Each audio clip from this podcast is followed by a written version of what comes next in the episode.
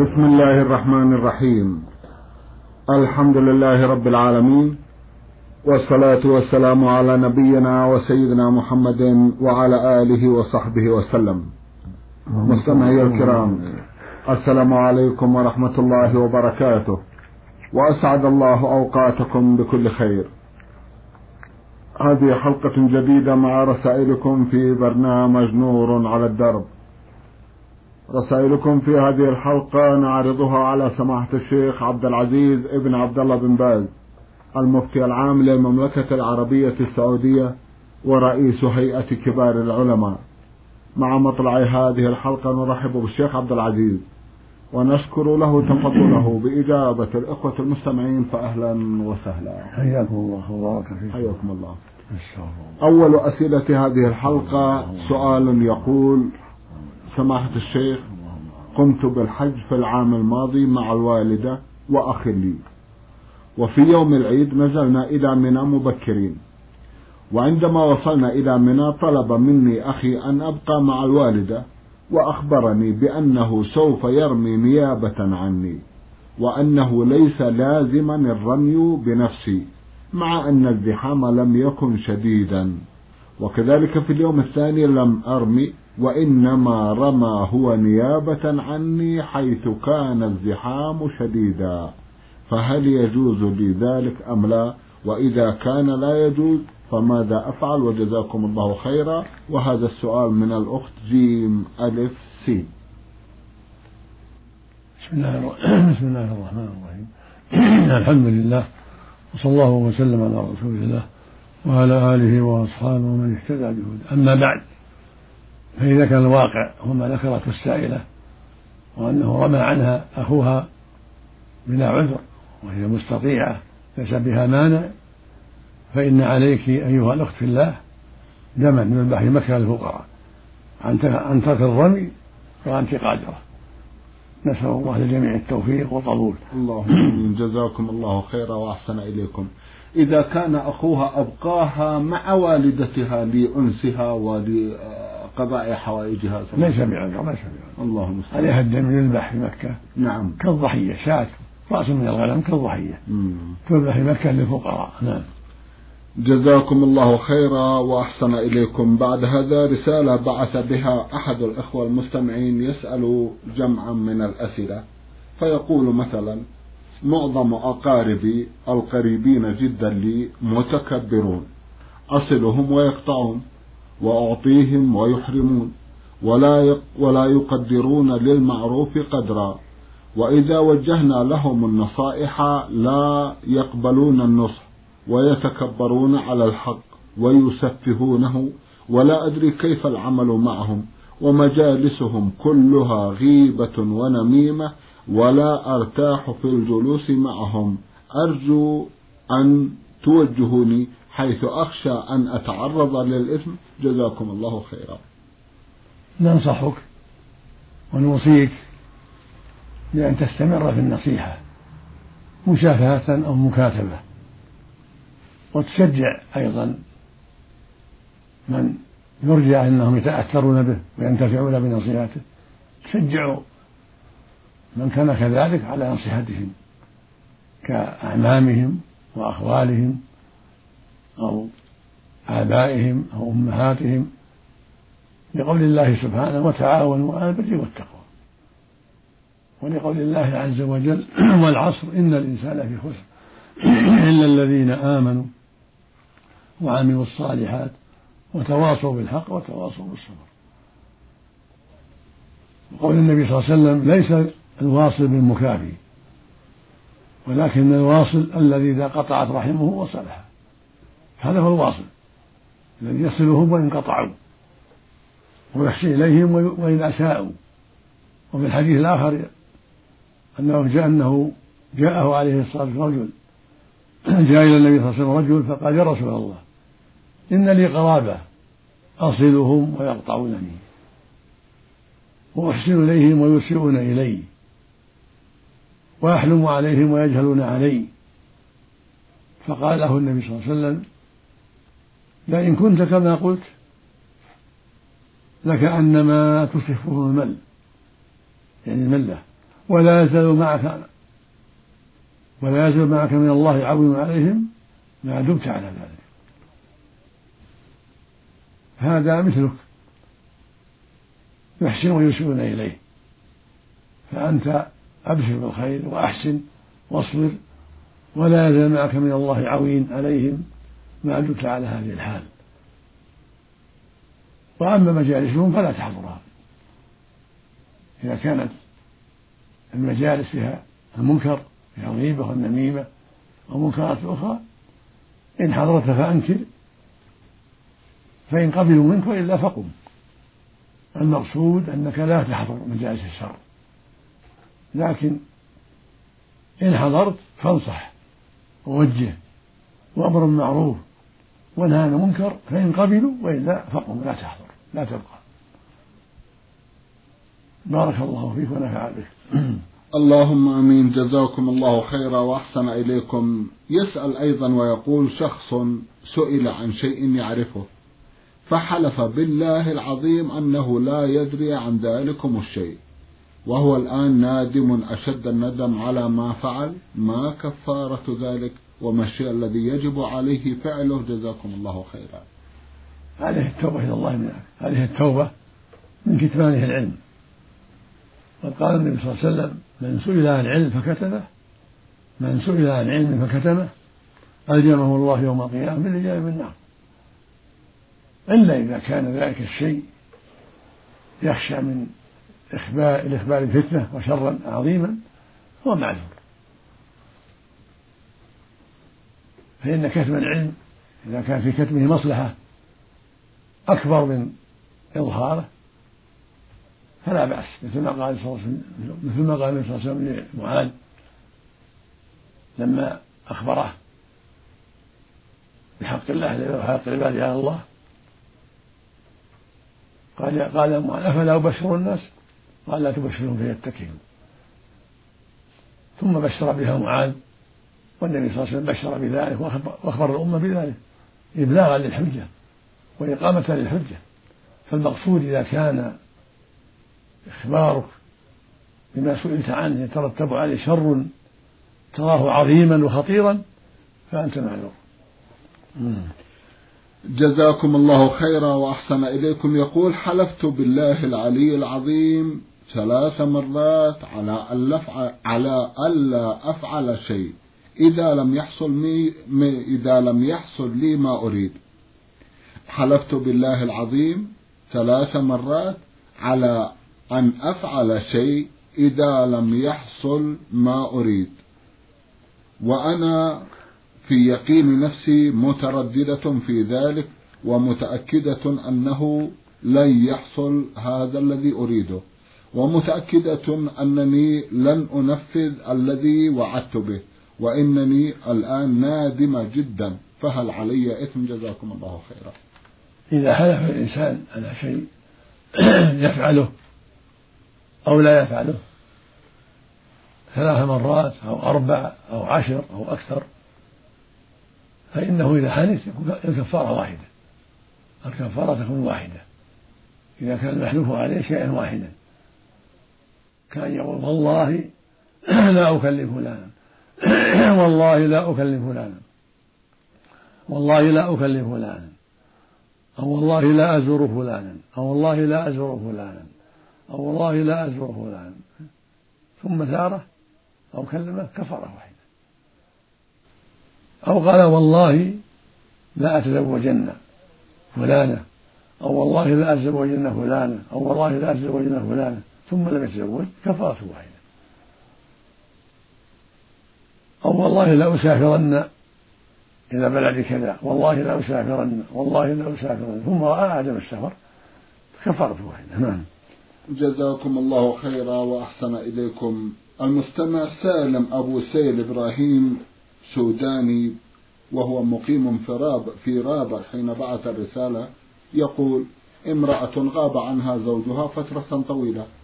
ولما طال بها الغياب ذهبت إلى القضاء وطلقت نفسها ولم تتزوج حتى عاد زوجها واتفقا على الرجعة وتراجعا. السؤال هل تحسب تلك طلقة على الرجل؟ وإذا كان الجواب نعم ما ذنب الرجل في ذلك؟ أقصد أنه لم يتدخل في الموضوع فما دخله. نرجو أن تنورونا. جزاكم الله خيرا. عليهما أن يراجع المحكمة التي فسخت النكاح. عليهما أن يراجعا المحكمة التي تم على يدها فسخ النكاح. نعم. جزاكم الله خيرا وأحسن إليكم. من أبهى رسالة بعث بها مستمع يقول ميم صاد عسيري. يسأل ويقول بعض الناس يحتاجون إلى مبالغ ويذهبون يشترون سيارات بالتقسيط. ثم يقومون ببيعها كاش بسعر أقل من الذي اشتروها به. فهل ذلك جائز؟ أم أنه داخل في الربا؟ وجهونا جزاكم الله خيرا. لا حرج في ذلك لأن الحاجة تدعو إلى هذا الأمر. الحاجة تدعو إلى مثل هذا الأمر. أن يشتري الإنسان السلعة كالسيارة بثمن مؤجل أقساطا لأن في حاجة إلى أن يبيعها بعد ذلك ويتزوج أو يقضي ديونا عليه أو يعمر سكنا له أو يكمل سكنا له أو ما أشبه ذلك. المقصود أن هذا لا بأس به إذا اشترى سيارة أو غيرها بأقساط في آجال معلومة ثم باعها بأقل من ذلك بعد قبضها. إذا اشتراها من, من مالكها التي هي عنده. إذا اشتراها من مالكها التي هي موجودة عنده.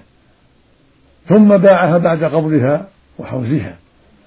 بثمن أقل أو ماثل أو أكثر. فلا حرج في ذلك. لأن الحاجة تدعو إلى هذا. ليس كل واحد يجد من يقرضه. فيبيع السيارة ونحوها ثم يتزوج أو يكمل عمارة بيته أو يستعين بها في شيء آخر. نعم, نعم. جزاكم الله خيرا وأحسن إليكم. إذا أسقطت المرأة حملها قبل أن تنفخ فيه الروح هل هذا السقط ينفع والديه يوم القيامة؟ جزاكم الله خيرا. قبل أربعة أشهر لا يسمى ولدا. إنما يسمى ولدا بعد الأربعة بعد نفخ الروح فيه. يغسل ويصلى عليه ويعتبر طفلا. ترجى شفاعته لوالديه. أما قبل ذلك فليس بإنسان وليس بميت ولا يعتبر طفلا ولا يغسل ولا يصلى عليه ولو كان لحمة فيها تخطيط. نعم. ولا يجوز لها إسقاطه ليس للمرأة أن تسقطه. إلا في الأربعين الأولى إذا دعت الحاجة إلى ذلك كالعزل. في الأربعين الأولى لا بأس إذا دعت الحاجة إلى هذا الشيء والمصلحة الشرعية. نعم. جزاكم الله خيرا وأحسن إليكم. المستمع وليد الرفاعي من سوريا بعث يسأل ويقول عندما أصلي في البيت فإنني أنشغل في الصلاة بالنقوش المرسومة على السجاد فلا أستطيع الخشوع في صلاتي فهل يصح لي أن أغمض عيني أثناء الصلاة؟ ترك الإغماض أفضل وأولى. ويستحب لك أن تلتمس مصلى ليس فيه نقوش سجادة ما فيه نقوش أو غيرها. ولو أغمضت لا حرج لو أغمضت عينيك لا حرج لكن ترك ترك ذلك أفضل. والإغماض لا بأس به. إلا أن تركه أولى. نعم. جزاكم الله خيرا وأحسن إليكم. هل يصح للمصلي أن يجهر في صلاته في الصلوات غير الجهرية؟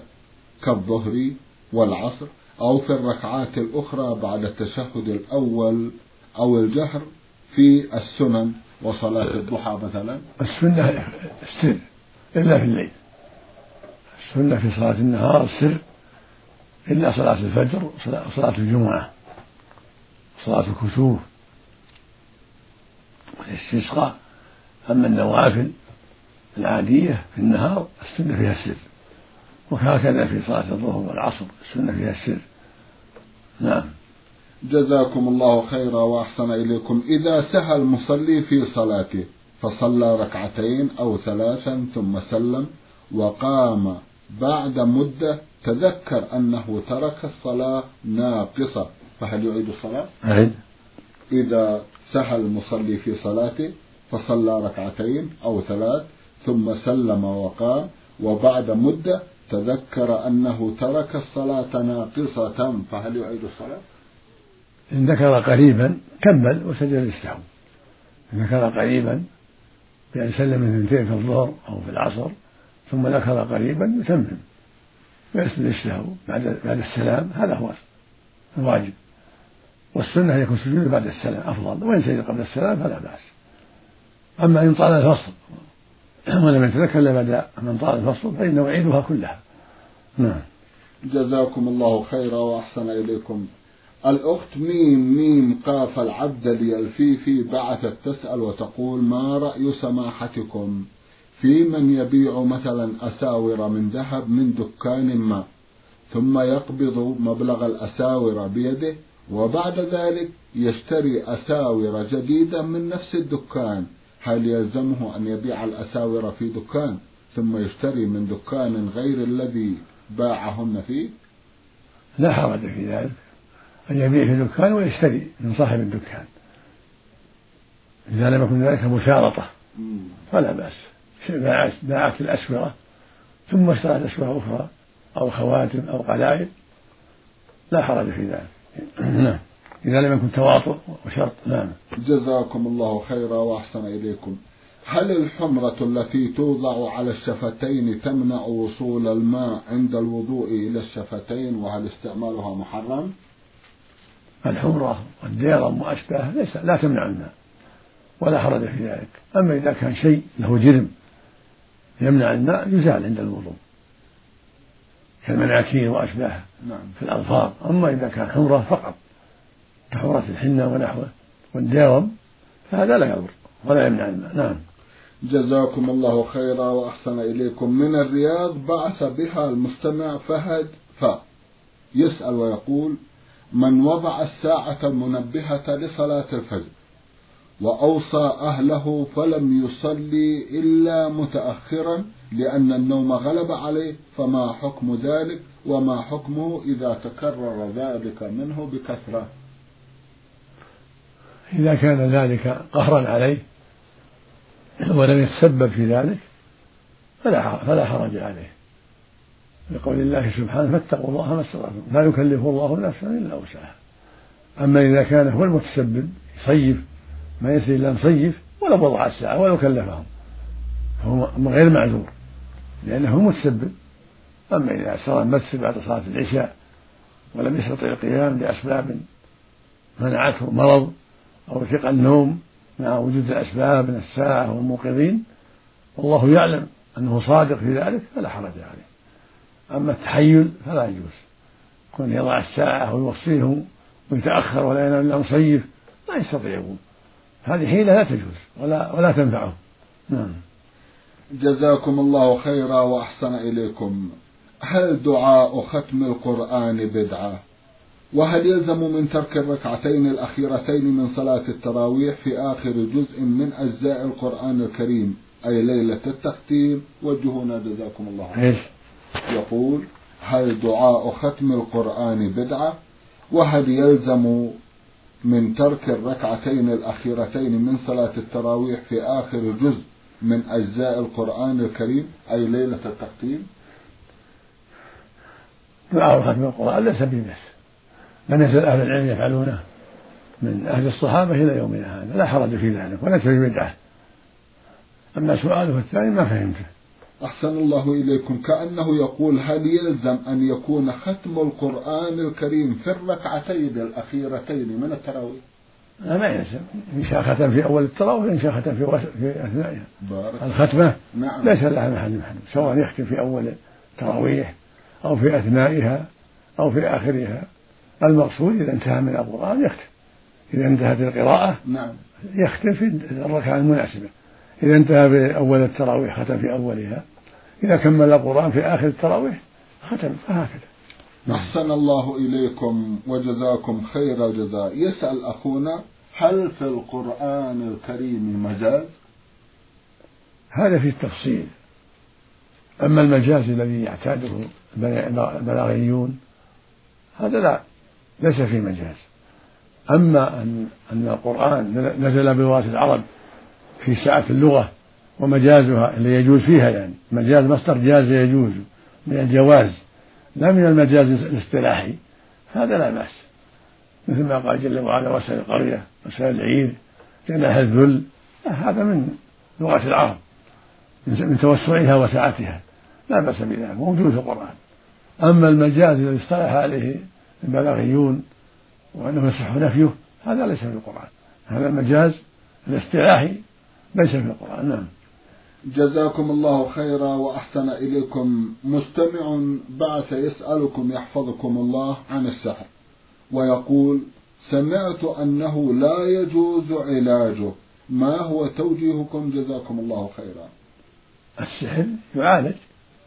السحر نوعان نوع خيالي كما قال جل وعلا يخيل إليه من سحرهم أنها تسعى تزميل على العلو تكبير لا حقيقة له. ونوع ثاني حقيقة قد يمرض الإنسان قد يذهب عقله قد يفرق بينه وبين زوجته فيعالج بالقراءة وبالأدوية. يعالج بالقراءة وبالأدوية الشرعية المباحة. نعم. يسألكم يحفظكم الله عن صلاة الضحى وعن وقتها وعدد, وعدد ركعاتها وكيف تؤدى وهل يجب على الإنسان أن يقرأ فيها سورا معينة أم أي شيء من القرآن؟ صلاة الضحى سنة. أوصى بها النبي في بعض أصحابه وفعلها في بعض الأحيان عليه الصلاة والسلام وفعلها يوم الفتح صلى ثمان ركعات في الضحى يوم الفتح. فهي سنة مؤكدة. ووقتها ما بين ارتفاع الشمس قيد الرمح إلى وقوف الشمس الضحى كله. وقتها ما بين ارتفاع الشمس قيد الرمح إلى وقوف الشمس قبيل الظهر. فإذا صلاها في أول وقت أو في أثناءه فقد أصاب السنة. لكن أفضلها عند اشتداد الضحى فاشتد الحر ورغبة الفصال كما قال صلى الله عليه وسلم في الحديث الصحيح يقول صلى الله عليه وسلم صلاة الأوابين حين ترمض الفصال يعني حين يشتد حر الرمضاء على أولاد الإبل. فصلاتها في الضحى في ارتفاع الضحى أفضل وإن صلاها بعد ارتفاع الشمس فقد حصلت السنة. ويقرأ فيها ما تيسر. سورا أو آيات ليس فيها شيء مخصوص. يقرأ فيها ما تيسر من الآيات أو من السور. وأقلها ركعتان تسليمة واحدة وإن صلى أربع أو ست أو ثمان أو أكثر يسلم من كل اثنتين فكله حسن. والنبي صلاها يوم يوم الفتح صلى ثمان ركعات يسلم من كل اثنتين عليه الصلاة والسلام. نعم. جزاكم الله خيرا وأحسن إليكم. يسأل أخونا عن حكم الشرع في شخص لم يربه أبوه كما قال. ولم يعطه أي نوع من العناية حتى أثناء طفولته بالرغم من مقدرة الوالد على الإنفاق على الابن فهل تجب حينئذ الصلة بين الأب وابنه؟ جزاكم الله خيرا. نعم على الولد يجبره بوالده ومعرفة حقه والإحسان إليه ولو أساء الوالد ولو قصر. فالوالد عليه التوبة إلى الله من تقصيره. عليه أن يتوب إلى الله من تقصيره في حق ولده وتربيته. ولكن هذا لا يبرر للوالد العقوق. بل يجب على الولد أن يبر والديه وإن قصرا في حقه. قال الله في حق الكافرين في قصة لقمان وصاحبهما في الدنيا معروفة. ولو كان كافرين. فالواجب على الولد الإحسان إلى والديه وبرهما والرفق بهما ومعاملتهما المعاملة الطيبة الحسنة وإن قصرا في حقه نعم. جزاكم الله خيرا وأحسن إليكم. يسأل سماحتكم يحفظكم الله عن صلاة القنوت وكم عدد ركعاتها وما هو وقتها. عن عن صلاة القنوت عن عدد ركعاتها وما هو وقتها. أي قنوت؟ لعله يقصد الوتر سماحة الشيخ. سبحان الله. نعم. ما يقع صلاة القنوت؟ طيب. صلاة الليل صلاة التراويح. يقع صلاة القنوت دعاء يكون في في الركعة الأخيرة. هذا يسمى قنوت الدعاء بعد الركوع في الركعة الأخيرة في الوتر نعم. يسمى قنوت نعم. ما ولا يقال صلاة يقال صلاة الليل طيب. صلاة التراويح. طيب. فالمقصود صلاة الليل نعم. ليس لها حد محدود. طيب. إن أوتر بواحدة أو بثلاث أو بخمس أو بأكثر. لكن السنة أنه يسلم من كل اثنتين. ثم يختم بواحدة يوتر بواحدة. لقول النبي صلى الله عليه وسلم صلاة الليل مثنى مثنى. يعني ثنتين ثنتين نعم نعم. فإذا خشي أحدهم الصبح صلى ركعة واحدة توتر له ما قد صلى. طيب. نعم. جزاكم الله خيرا وأحسن إليكم. أيضا يسأل عن صلاة التسابيح سمعت الشيخ صلاة التسابيح غير ثابتة. في أربع ركعات سبح فيها ثلاثمائة تسبيحة. سبحان الله والحمد لله. ولا إله إلا الله أكبر. لكنها غير ثابتة. حديث غير صحيح. جزاكم الله خيرا وأحسن إليكم. مستمع يقول مناحي قبلان الشهراني من راس تنورة بعث يسأل ويقول لقد من الله سبحانه وتعالى علي وإخواني الاثنين وابن أختي بعمرة في شهر رمضان لهذا العام. وبعد أن أكملنا الطواف والسعي قمنا بالتقصير من رؤوسنا بالمقص الذي وجدناه مع بعض المعتمرين الذين قاموا بتقصير شعورهم. وعندما رجعنا قيل لنا إن هذا التقصير غير جائز لأنه لم يشمل كامل شعر الرأس. فما حكم ذلك؟ وهل علينا كفارة؟ مع العلم أنه لا يوجد لدينا علم بذلك كما نرجو أن تتفضلوا بإيضاح تقصير الشعر في مثل هذه الحالة وكيفيته جزاكم الله خيرا. الواجب ثاني التقصير الواجب على الحاج والمعتمر أن يعمم تقصير الرأس عموم الرأس يقص من أطراف الشعر عموما كما يحلق الرأس كله لكن من جهل ذلك فلا حرج عليه إن شاء الله. الحمد لله. إذا قصر في شيء من ذلك وعليه يراعي في المستقبل إن شاء الله. في المستقبل يعمم. أما لمضى فلا حرج إن شاء الله. نعم. جزاكم الله خيرا وأحسن إليكم. أحد الإخوة من اليمن اسمه خادم علي بعث يسأل سماحتكم ويقول إنني في رمضان مضت علي يومان كنت مريض وبعد رمضان لم أقضي بل صمت الست من شوال. وأريد بعد صيام الست أن أقضي ذلكم الصيام الذي فاتني. فما حكم ما فعلت؟